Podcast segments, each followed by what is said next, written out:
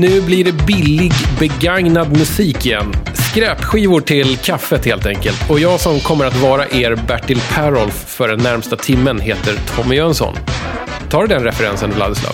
Jajamensan, han var med i Skivor till kaffet. Exakt. Hör du, vi måste prata lite om Vladislav Bonita. Vem är det? Ja, det är ju jag då, fast eh, jag pratar ju så här egentligen och Vladislav Bonita har blivit någon slags... Eh, det var någon slags sätt att inte eh, figurera i eget namn. Men eh, jag gillar ju det här med 80-talsradio och tyckte att eh, någon borde låta så idag också. Du gör en, en, eh, musikpodcast som heter Nevergreens. Kan inte du förklara liksom lite? En evergreen är väl liksom motsatsen till en evergreen då kan man säga. Va? Någonting som... Det är ett eget ord för övrigt, men det är ju eh, någonting som hade alla förutsättningar att slå. Men som eh, inte slog helt enkelt. Va? Någonting som hade kanske budgeten och möjligheten och fick exponeringen. De gjorde musikvideo, de var, liksom, kom i rätt tid och allting. Va? Men det blev absolut ingenting. En upp och nervänd trackslista. Exakt. Och för att om det ligger på ett litet skivbolag då är ofta det förklaringen att de hade liksom inte medel att eh, nå ut. Så, va? De kunde inte hypa upp sin artist. Nej, men eh, om det ligger på CBS eller EMI eller Uni- Mercury eller något sånt här storbolag, liksom, va, då, då hade de ändå möjligheten. Och så hittar man sånt där i loppisar som har stått där i 30 år och jag har aldrig hört talas om det innan. Och det finns någonting i det som är väldigt roligt tycker jag. Om man blir nyfiken på det här nu så kan man alltså hitta Nevergreens på Soundcloud. Sök på Nevergreens eller Vladislav Bonita. Eh, stavas som det låter, så hittar ni många sköna episoder. Och det är ju den här, alltså det är, det är ju ganska hög tonvikt åt liksom 80 och kanske en bit av 90-talets popmusik som verkligen är pop med stort P, eller vad man ska säga. Mm. Ja, det finns en, det, det hela tiden finns ju en... ska vi säga? De har ju velat... Man, känner att det är liksom... eh, popstjärnedrömmar och nu gäller det. Liksom. Det är ju den känslan i det. Och det, det är viktigt också för mig faktiskt att när jag gör dem att det inte ska bli allt för raljerande. För jag hade kunnat liksom sitta och skratta åt detta också liksom, och bara oj, vilka losers då.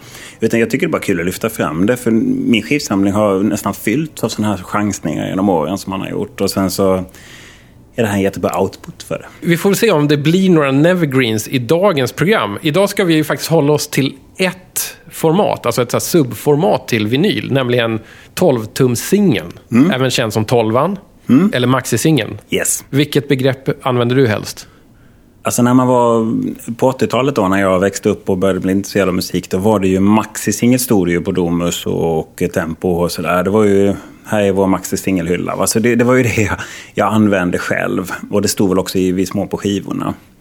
Eh, och 12 kom väl sen när man började liksom kanske eventuellt köpa såna här DJ, liksom, house och den typen av grejer. Det kändes som att det kom ut på 12 Ja, ja men precis. Man kan, alltså, kanske var det så att begreppet 12 var någonting som kom på ju- just 90-talet. Jag vill faktiskt minnas att eh, DJ-legendarerna Robin Rass hade...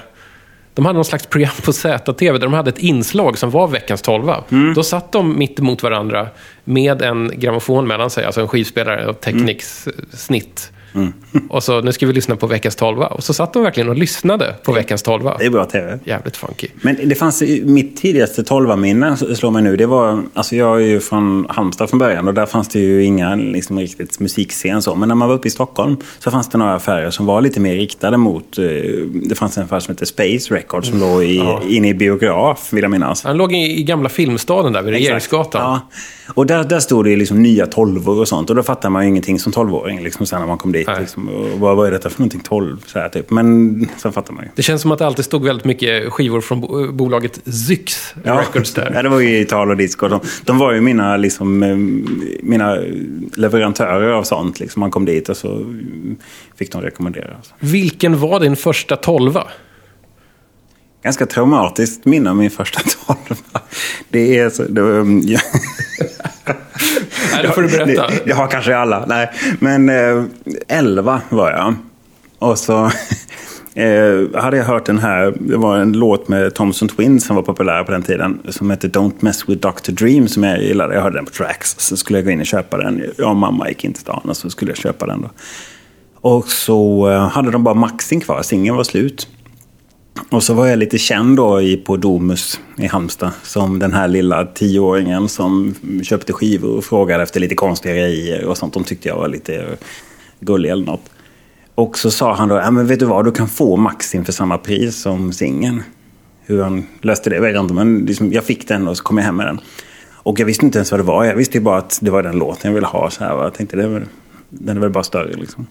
Och så var, så var det en extended version av den här låten. Som har ett intro som låter precis likadant. Det var något sånt här...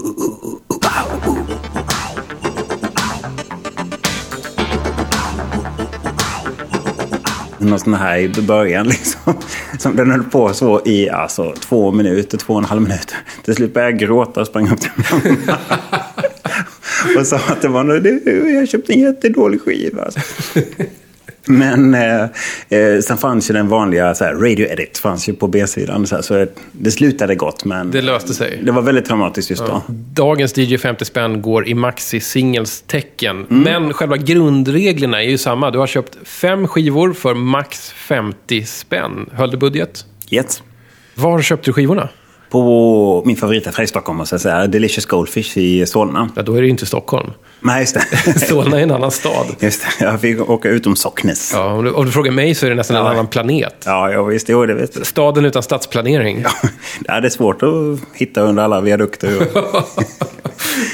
Det är en härlig affär på så sätt att eh, den är väldigt så här, eh, den lyfter fram, eh, jag tror kanske den, den schablonbilden är på väg att brytas lite, men det här med att skivbörser bara har Dylan och såna här saker. Liksom. Att de har liksom ett Italo disco-avdelning och det är lite så här, även fula musikstilar lyfts fram där lite grann. och sen har det de en bra. jättebra 10 kronors avdelning där, liksom, där, där jag köpte alla de här. Då. Vad säger du om att vi börjar med... Chansningen.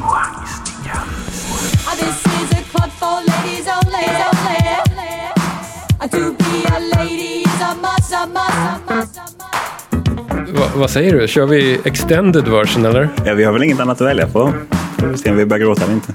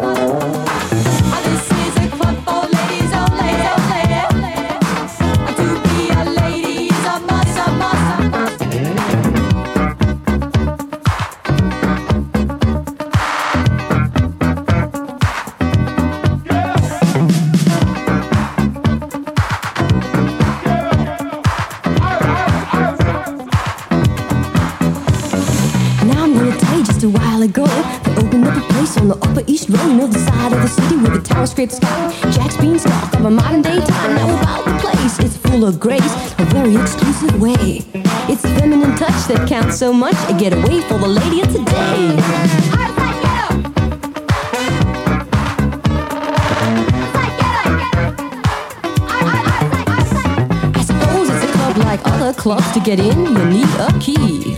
But the only man you meet will take your coat. He's what they call the club bunny.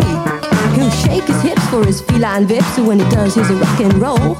Anything to make you feel that you had a good time from your head down to your toe.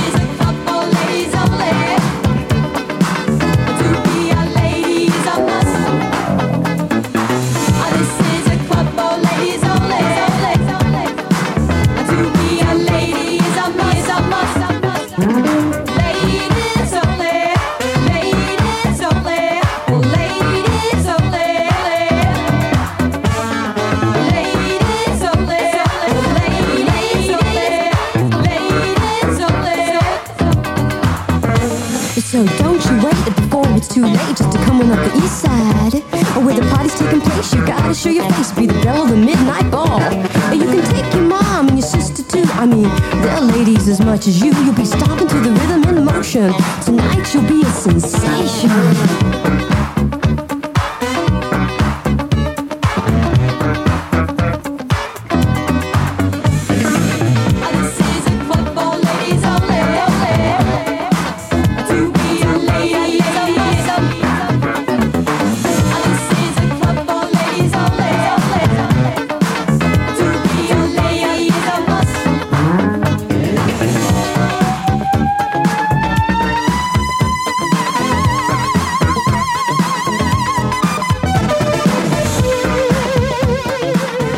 Vladislav, vad var det vi hörde för någonting här? Hon heter La Fox och det här var hennes For Ladies Only från 1984. Eh, det, vi vet liksom egentligen ingenting. och Det är första gången vi bägge hörde den här. Ja, Vad tycker du? Alltså förväntningar först. Jag tyckte att det skulle vara eurodisco typ. Mm. Hon ser ut, hon har liksom lite grann så här väldigt... Eh, hon ser lite euro ut överhuvudtaget. Ja, det får man säga. Det, Ja. Mm. det är lite upptuperat hår och lite, lite billig fashion kan man Och säga. det enda, hade- det enda jag hade att gå på liksom lite det var att den är remixad av Phil Harding som är en sån här Stock Aitken Waterman-kille. Och då tänkte jag, ja men då kanske det är någon sån här Zenita-variant. Ja. Men det här var ju funkigt och, och istället. Precis, och, och det känns som... det- du- 84 sa du, men det här låter väl som ett klubbmusik-sound som kanske egentligen är några år innan det. Ja, det är ju lite Rocksteady Crew och den grejen. Så. Ja, precis. Och, och även liksom lite så här... Alltså, inte, inte som maskinfunk heller, utan det är så handspelad funk, eller vad man ska säga. Ladies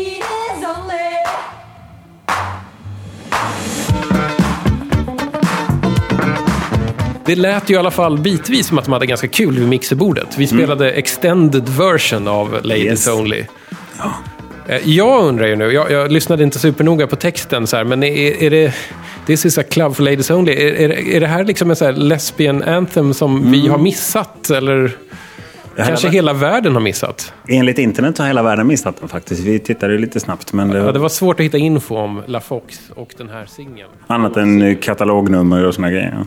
Eh, Nu när vi är inne på eh, extended remix-grejen. Vad, vad, vad, vad känner du inför 80-talets extended remix-ideal?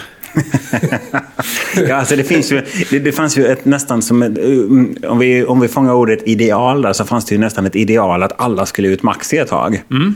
Eh, att även liksom Brian Adams kom en maxi på Heaven eller vad det nu var. Liksom, va? Och det absolut bästa varianten ur, uh, musikaliskt det var ju att han hade bara lagt på typ två extra låtar på maxin. Alltså, så Ja, att det var det. som man, man fick Heaven som den var. Liksom. Och det absolut sämsta som kunde hända det var att de hade liksom bara suttit och klippt ihop. Först var det hela låten instrumental och sen kom eh, liksom bara den vanliga mixen.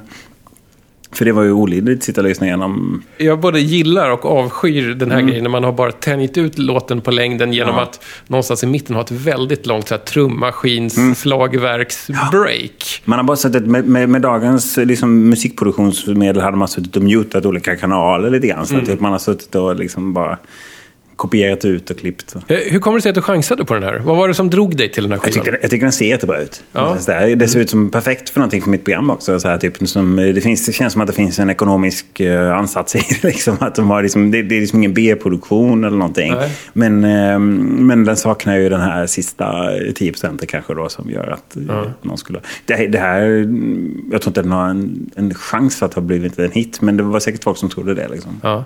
Kom, kommer du spela den här i något Nevergreens program? Den skulle passa väldigt bra i alla fall.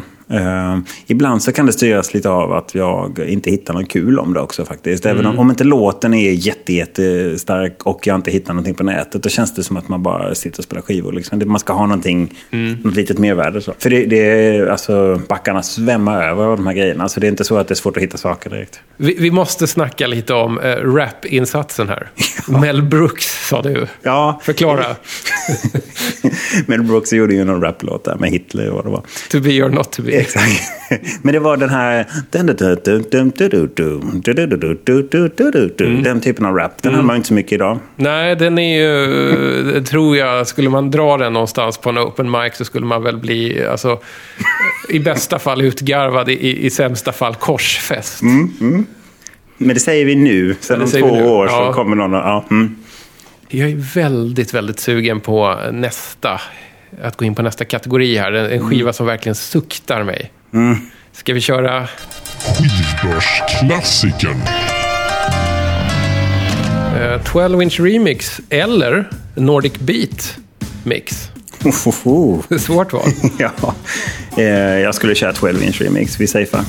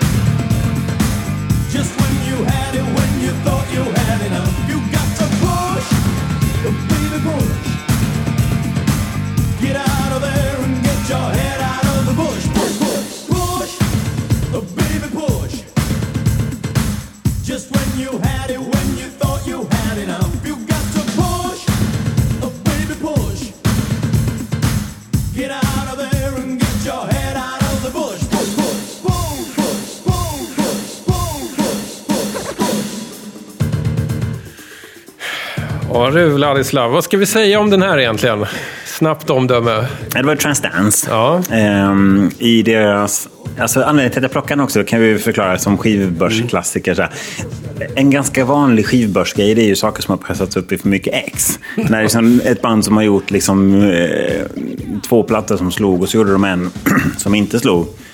Som Transdance då. Ja, exakt. Som, som pressades upp i lika många ex som den förra skivan. Liksom. Så den här eh, minns jag ju från då att den kunde man ju som bara... Det fanns ju en halv back av den här på Åhléns skivrea. Sådär, va? Och sen så har ju det följt med så att det finns ju alltid ett par i varje Myrorna och sådär. Push med Transdance från deras tredje skiva. Mm. Vad hette tredje albumet? Det är ingen som vet det. Ingen som minns. Nej, min spontana att det heter typ Wildlife.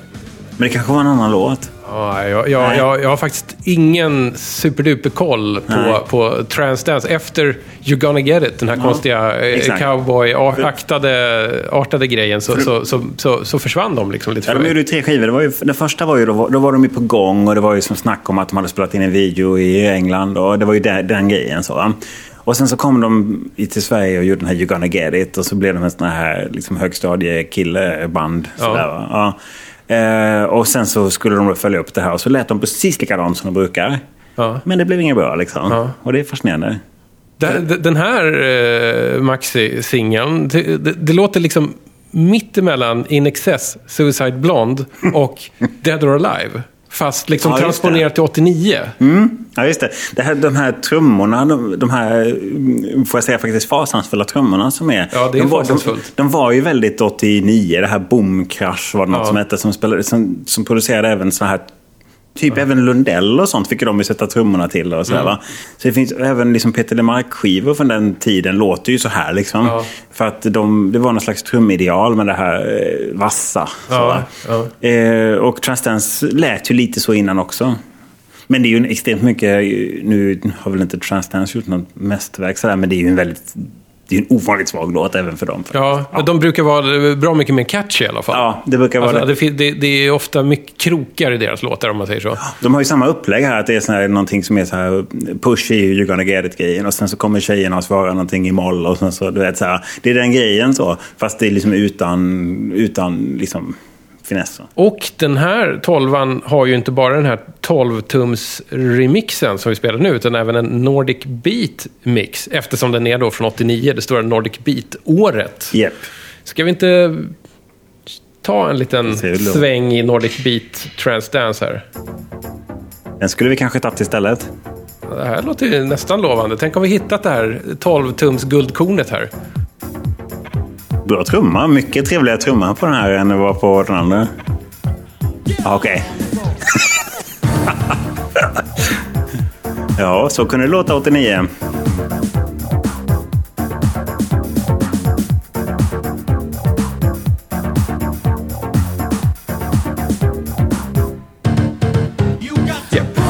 Men men det jag får säga också om det soundet, att det förstörde nästan min...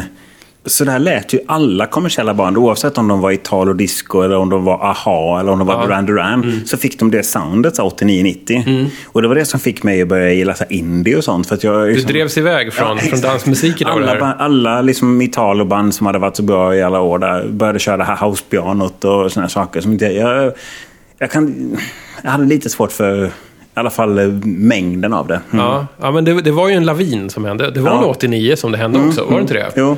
Efter eh, Ride on Time Ja, så exakt. var det bara housepianon ett tag.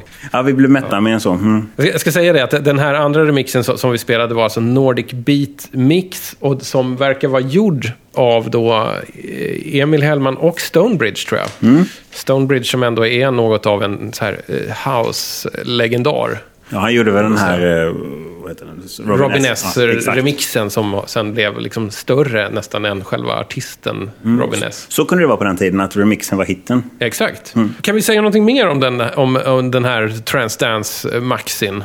Vi glömde väl nämna att omslaget är gjort av gitarristen i bandet, Pelle Pop. Det här batik... Eh, Ja. Distade batikomslaget. Ja, så kan man kalla det faktiskt.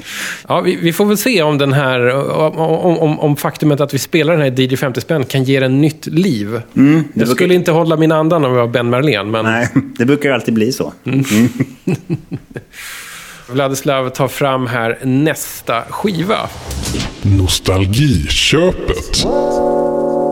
Jaha, vad har vi för remixar att välja på här? Vi har en longer version och det är lite kul. Det är lite kul faktiskt för att det står ingenting om på omslaget. Så att man, om man inte vill ha en longer version, det är inte säkert man vill, så har man gjort ett litet misstag om man inte tagit ut skivan. Ja, Jag jag måste säga, lite förvånad. Vi ska prata om det Ja. alldeles strax.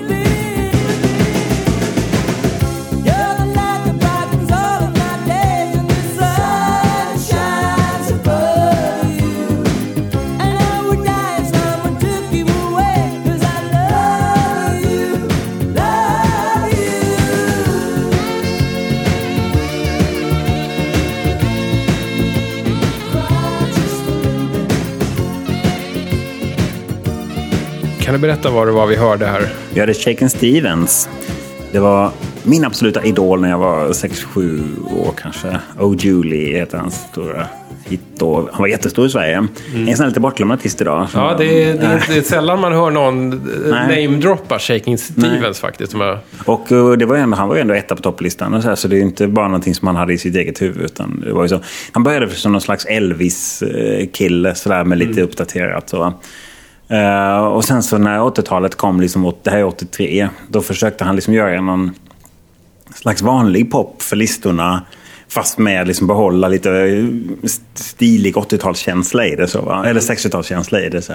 Eh, så det passade mig så himla bra. För det var i samma veva som jag började lyssna på. Jag släppte Elvis-spåret lite och så kom jag in på det också. Så kom Shakin' Stevens också med mig. Så att ja, väldigt praktiskt. Mm. Den här låten heter alltså Cry Just A Little Bit. Yes. En tolva, Mm. eller maxisingel, eh, släppt 83.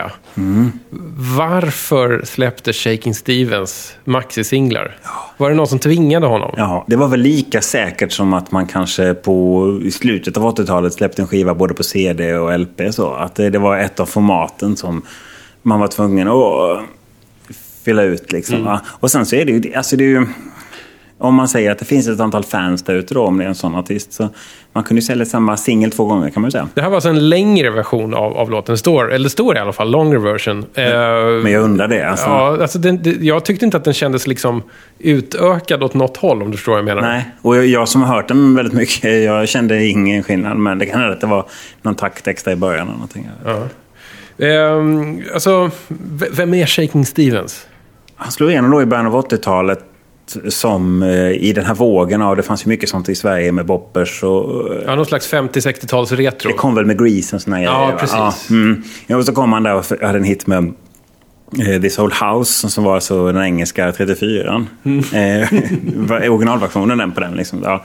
eh, och eh, ja, man hade massa hits där och, och, och var en sån... Eh, Eh, och så, han hette Michael Barrett egentligen, kommer jag ihåg. Eh, men sen försvann han ju med när trenden dog, så att säga. Men han försökte ju hanka sig kvar där med den här låten. Jag vet inte hur det gick för den här, men jag gillade den jättemycket när jag var li- liten då. Det är en väldigt tvålfager kille, Shaking Stevens. Mm. Ja, Jag kommer direkt att tänka på att vi faktiskt hade en svensk liksom, Shaking Stevens-variant. Mm. Shaking Fre- Fredrik. Ja, just det. Från Mullsjö. Ja, det är konstigt att alla alltid kommer ihåg att han är från Mullsjö. Ja, det kan välbrandat. Jag, jag vet inte liksom om, eh, Shaking Fredrik kanske aldrig riktigt gjorde 12-tummare. Det hade ju varit eh, det bästa man kunde hitta det. Men, ja. men kanske ändå. Ja, kanske. Jag vet liksom inte. Ibland får jag känslan av att Sverige inte riktigt helt och hållet anammade att göra maxi-singlar på samma sätt. Även, även om det absolut finns. Så, så är det inte så här att man alltid hittar det. Man, man får väl säga till Sveriges fördel att vi kanske var lite mer eh, liksom, tänkande i det avseendet att det inte var bara ytterligare en knapp att trycka på. Så. För att det finns ju så otroligt mycket Maxis eh, från den här tiden som är... Eh, som är alltså, ja, men den här är ju ett jättebra exempel på varför har man släppt den här på Maxi. Ja. Ja, ja lite onödigt. och publiken också. Skulle DJ köra den? Ja. De har en, faktiskt inte, om man tittar på den här, Mm. longer version här, så har de faktiskt inte heller, liksom, vad ska man säga, spejsat ut skivspåren så att det går långt in. Nej, det så, att- vara- så, så att det är långt mellan skivspåren för, för, för enkelhet för DJs eller för Mm. att få högre dynamik i ljudet eller vad det nu är. Det var, en, det efter. var ju en, eh, det var ju en sälj, säljpunkt i början också, att det skulle vara bättre ljud för att det var eh, längre mellan spåren. Och så. Ja. Super sound single. Precis. Det kan säkert ligga någonting i det. Ja, det, det är inte så att jag själv har gjort vetenskapliga tester, men, men det är ju lite omdebatterat om vem som faktiskt gjorde den första 12-tum-singeln och vem som kom på det. Alltså det är, kollar man på Wikipedia-artikeln om det så är det en sån här som är märkt som att den här är under di- discussion. Eh, Men en, en, en person som ofta nämns som någon slags 12-tum-singelns fader är Tom Moulton som var en sån här remix-pionjär under disco-eran, tidigt 70-tal till exempel, och sen, som sen har producerat väldigt mycket disco, även Grace Jones och sånt. Att han skulle på något sätt ha först, men det här är liksom, alla, alla källor pekar inte åt det hållet. Och sen har det ju funnits 10-tums-singlar som pressades upp speciellt för Sound Systems på Jamaica redan på 50-talet. Så att det, Okej. ja, det, det, det, det här är ett akademiskt ämne som kan diskuteras under Men- långa, långa seminarier. Men sen är det väl i kombination med att det går snabbt också va? Att, eh, att det går snabbare. För att, eh, Precis. Men 78 borde vara det bästa av allt då ju. Jag har någon gång träffat en audiofil som säger att i teorin så är 78-varvare det bästa för ljudet. Oh well. Jag vet inte om jag ska hitta på någonting mer att säga om Shaking Stevens. Alltså, längtar du tillbaka till Shaking Stevens ibland? När du hör det här? Det är ju... Det är, no- det är någonting mysigt med det här ändå. Ja, det är det. det. Och det var ju så... eh, Det var innan jag började fatta hur det hängde ihop sådär. Liksom, att att, att liksom det kom en ny skiva med... Alltså när man blev lite äldre. Då, då hade man liksom koll på i höst kommer nya Erasure-skivan eller något sånt här. Va? Men jag minns den här känslan av en Shaken Stevens-skiva. Man hade liksom ingen aning om att det hade kommit en ny skiva med honom. Utan man gick i, kanske jag åkte in till stan och så bara oh, wow, det finns en ny skiva med Shaken. Alltså det var en sån här... man hade liksom inte koll på någon annan nivå än på uh, än i skyltfönstret eller vad det nu Nej, var. va? nej, precis. Att det var någon sån här väldigt... uh, ja, man hade helt enkelt inte skaffat sig koll, utan det var verkligen som julafton mitt i veckan om man fick så, Mm. syn på en Shaken Stevens-skiva. Och det är ju en känsla som inte går att återskapa riktigt. Den här låten fick mig att tänka lite grann på att, det, är det inte det, det Shaking Stevens gör här, Mm. det är väl det som Jerry Williams försökte göra några år senare i Sverige med Did I Tell You och de här. Mm. Ja, när han gjorde någon slags ändå samtidspop, men fortfarande med en tå doppad i sin gamla liksom, Ja. rock'n'roll, liksom, Det- det- 50-60-tals. Den här låten är ju inte så jätte 60-talig egentligen i som låt. Men det han behöll här var ju i sin, sin stil. Att han liksom stod i här rockabilly-frilla med liksom, eh, Man sammetskostym och körde den här låten. Så det blev liksom lite 60-talskänsla ändå. Finns det en video så sjunger han i en sån här 50-talsmikrofon. du vet. Yes. Elvis-mikrofon. Eh, exakt. Ja du, Vladislav. Eh, inne på näst sista kategori nu. Random Access Vinyl. Blundade och tog en maxi ur backen. Och hur kände du när du öppnade ögonen? Jag känner att det var perfekt faktiskt. Alltså? För att, eh, jag hade vissa tankar om det här med maxisinglar. För det var ju någonting som jag tänkte att jag, jag vill ha någon slags nisch ändå på det jag liksom, eh, har med mig hit. Liksom. Här, Och maxi fick bli liksom röda tråden. Och då tänkte jag några tankar om maxi. Just det här det vi har snackat om. Att det finns så mycket onödiga maxi. Och jag fick liksom i min hand, eh, när jag lyfte upp den, så var det liksom kanske den allra mest onödiga maxi jag har stött på i hela mitt liv.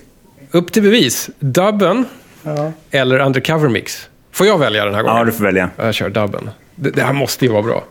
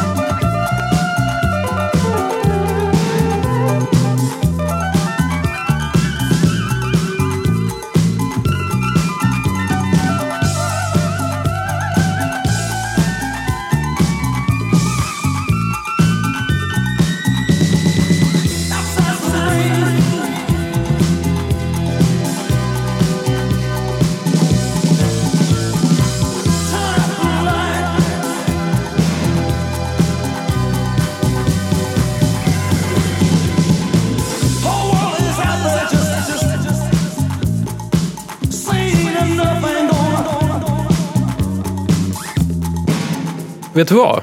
Jag, jag trodde först inte på vad det stod där. Det stod dub Ja. efter Cover Me.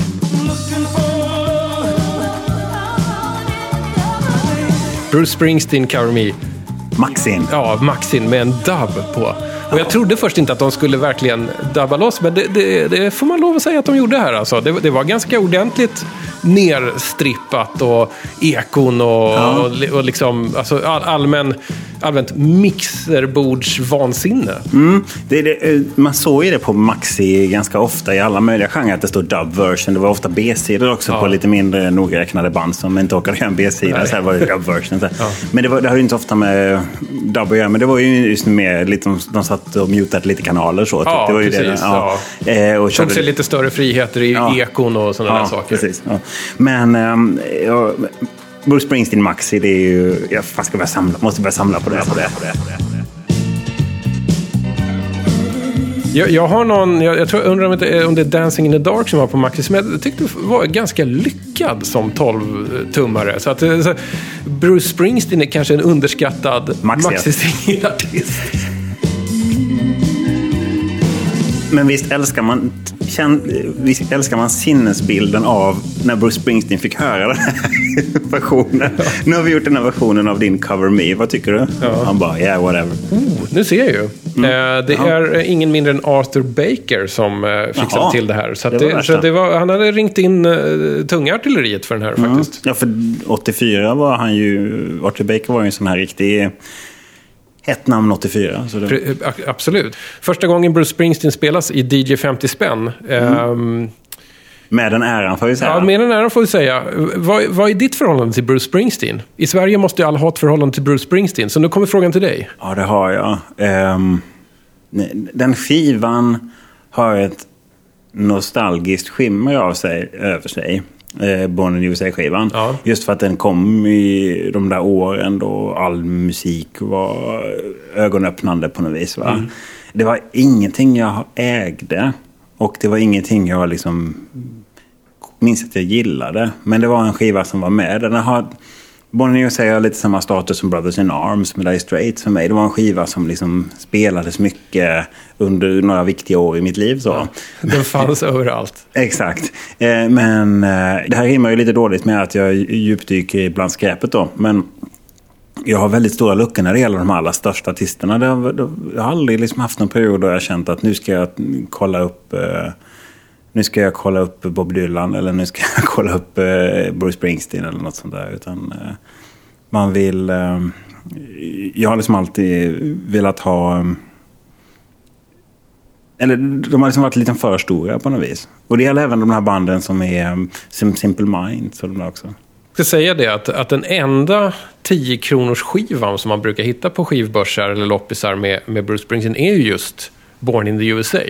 Det är som att även om det finns flera andra album av honom som är enorma och sålda i enorma mängder så är det som att han är så djupt aktad att de aldrig sorteras Nej. ner riktigt. Det är väldigt sällan jag ser andra album för 10 spänn i svenska loppisar. Ja, men visst är det så. Och det finns ju vissa album, vissa artister som, är, som sålde i... Alltså en av världens mest sålda skivor är väl Bridge over Troubled Water. Men ändå kostar den aldrig 10 spänn. Så. Eh, Och, det- och, det är så här, och Beatles är samma sak. Att det har liksom en sån här... eh, Jag vet inte, de är aktade i av... um, Eh, möjligen kan du hitta på Springsteen de här floppplattorna som kom lite senare. Där. Ja, det kan väl kanske Ja. hända.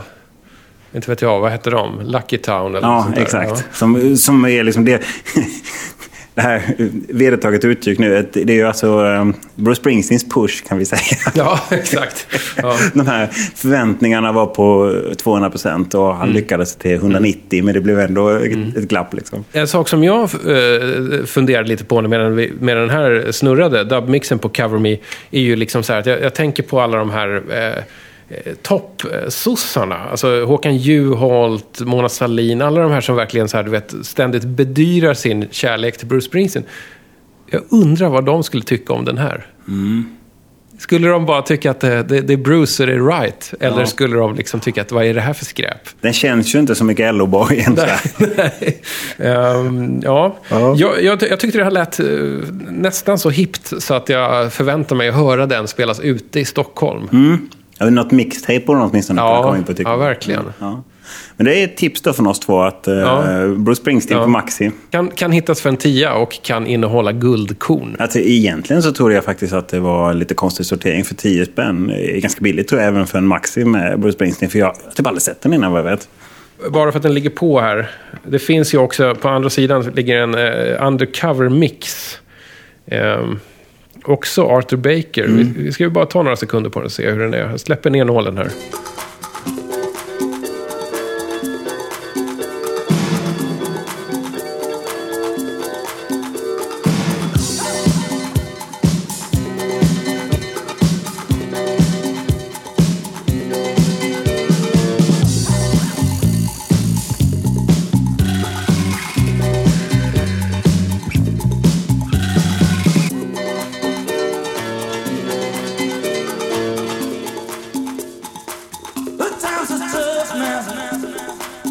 Lättmixad låt, det är bara samma runda hela tiden. Ja, precis. Ja, men den är säkert kanske bäst avpassad av Mm. allt det som Brucean faktiskt klämde ut i, singelväg från eh, Born in the USA-albumet. Jag vet inte hur många singlar han lyckades krama ur den. Det är nästan alla låtar som är singlar på den tror jag. Det är som, Brian, är det Det är som här- thriller. Ja, Thriller eller Bad också ju. Ja. Ja.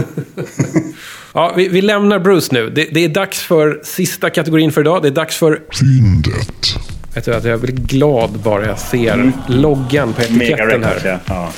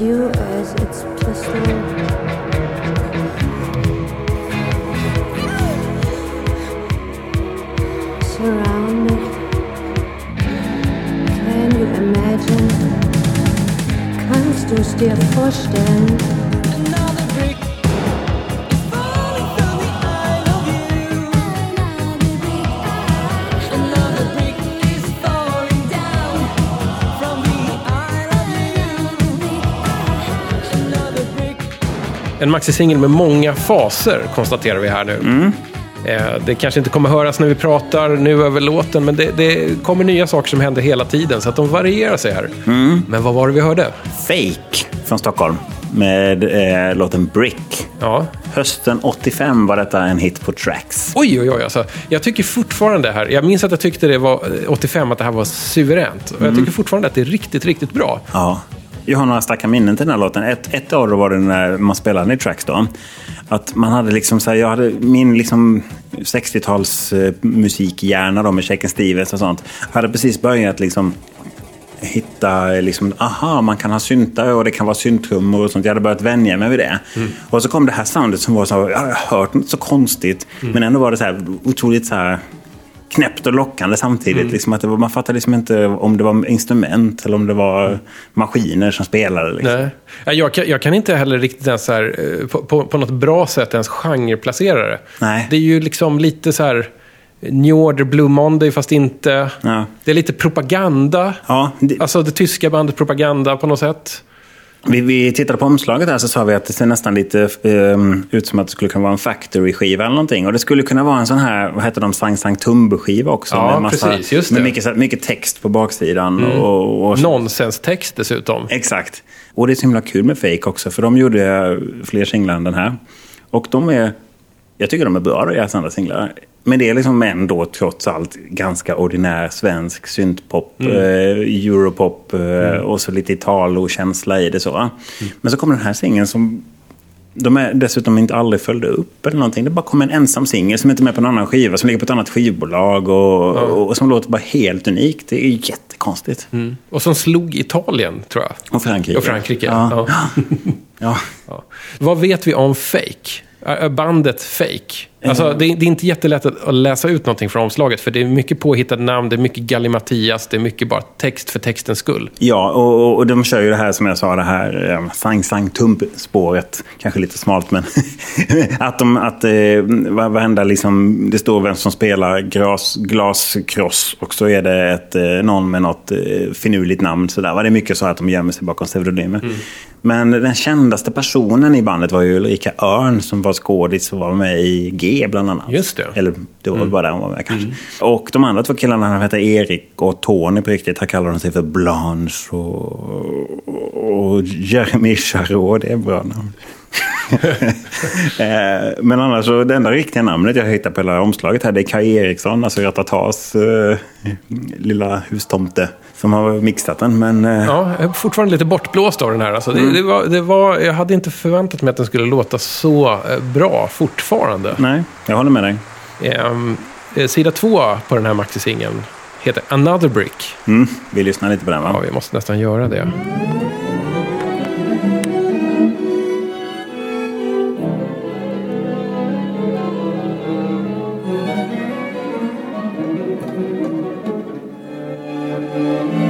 Väldigt artig alltså.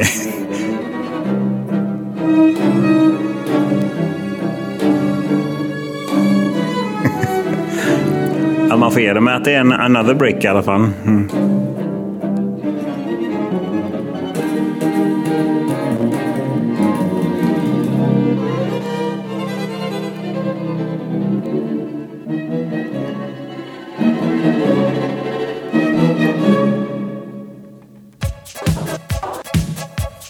Tänkte väl.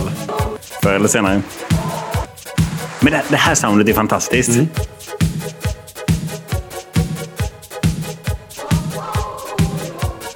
Där stoppar vi. Vill ni höra mer, eh, rota i skivbörserna.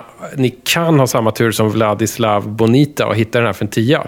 Jag tycker att den borde kosta minst det dubbla. Det är så fortfarande ett sånt omslag också. Eh, Omslaget är ju väldigt så här, mm, också nostalgi för mig. Liksom att, eh, man ser den här singeln ganska sällan med tanke på att det var en ganska stor hit ändå. Eh, men varje gång jag ser den så är jag tvungen att ta upp den och bara åh, brick. Sådär, va? Det finns några singlar som är så, som alltid liksom triggar. Vi- Vilka mer är det? då?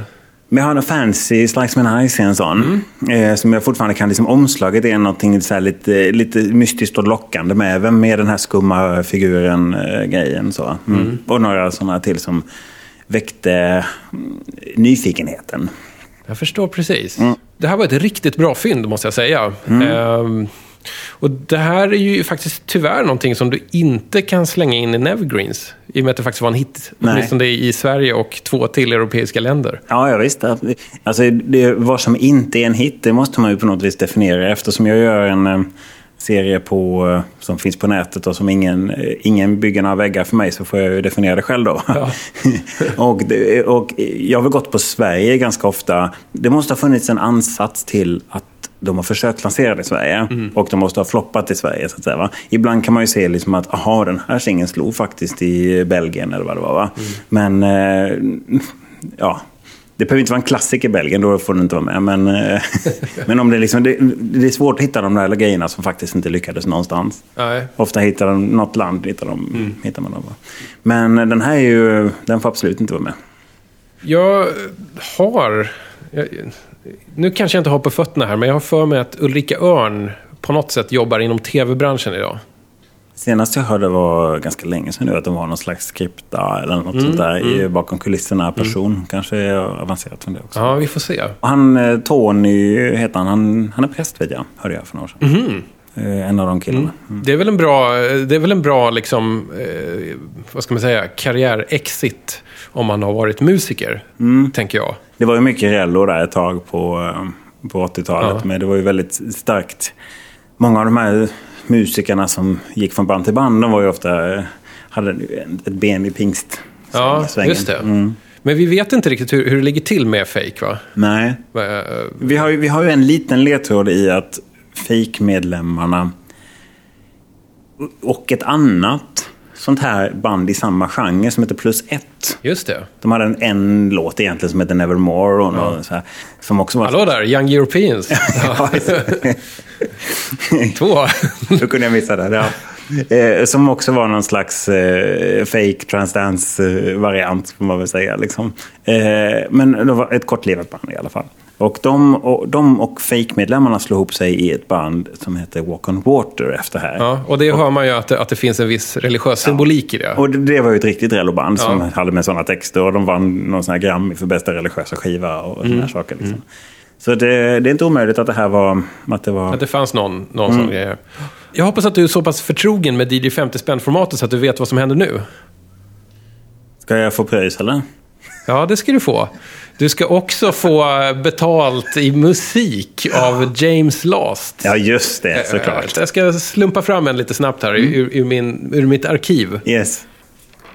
Eh, Vladislav Bonita, det var en ära att ha dig med i DJ 50 spänn. Det var så kul att vara med. Jag älskar att du eh, gick ut en liten bit på grenen och höll dig till just bara 12-tums-formatet. Mm. Det blev ett lite annat urval på musik på något sätt. Det blir ett annat tidsintervall också. Man håller ju sig inom eh, ganska begränsade år. Så. Nu är det dags. Vi dansar ut i studion. Dansa ut i studion till tonerna av James Last och hans orkester.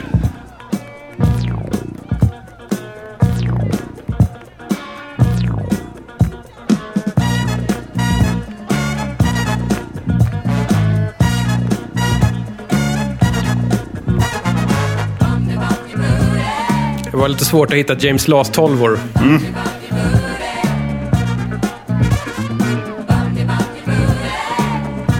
Tack för att du var med.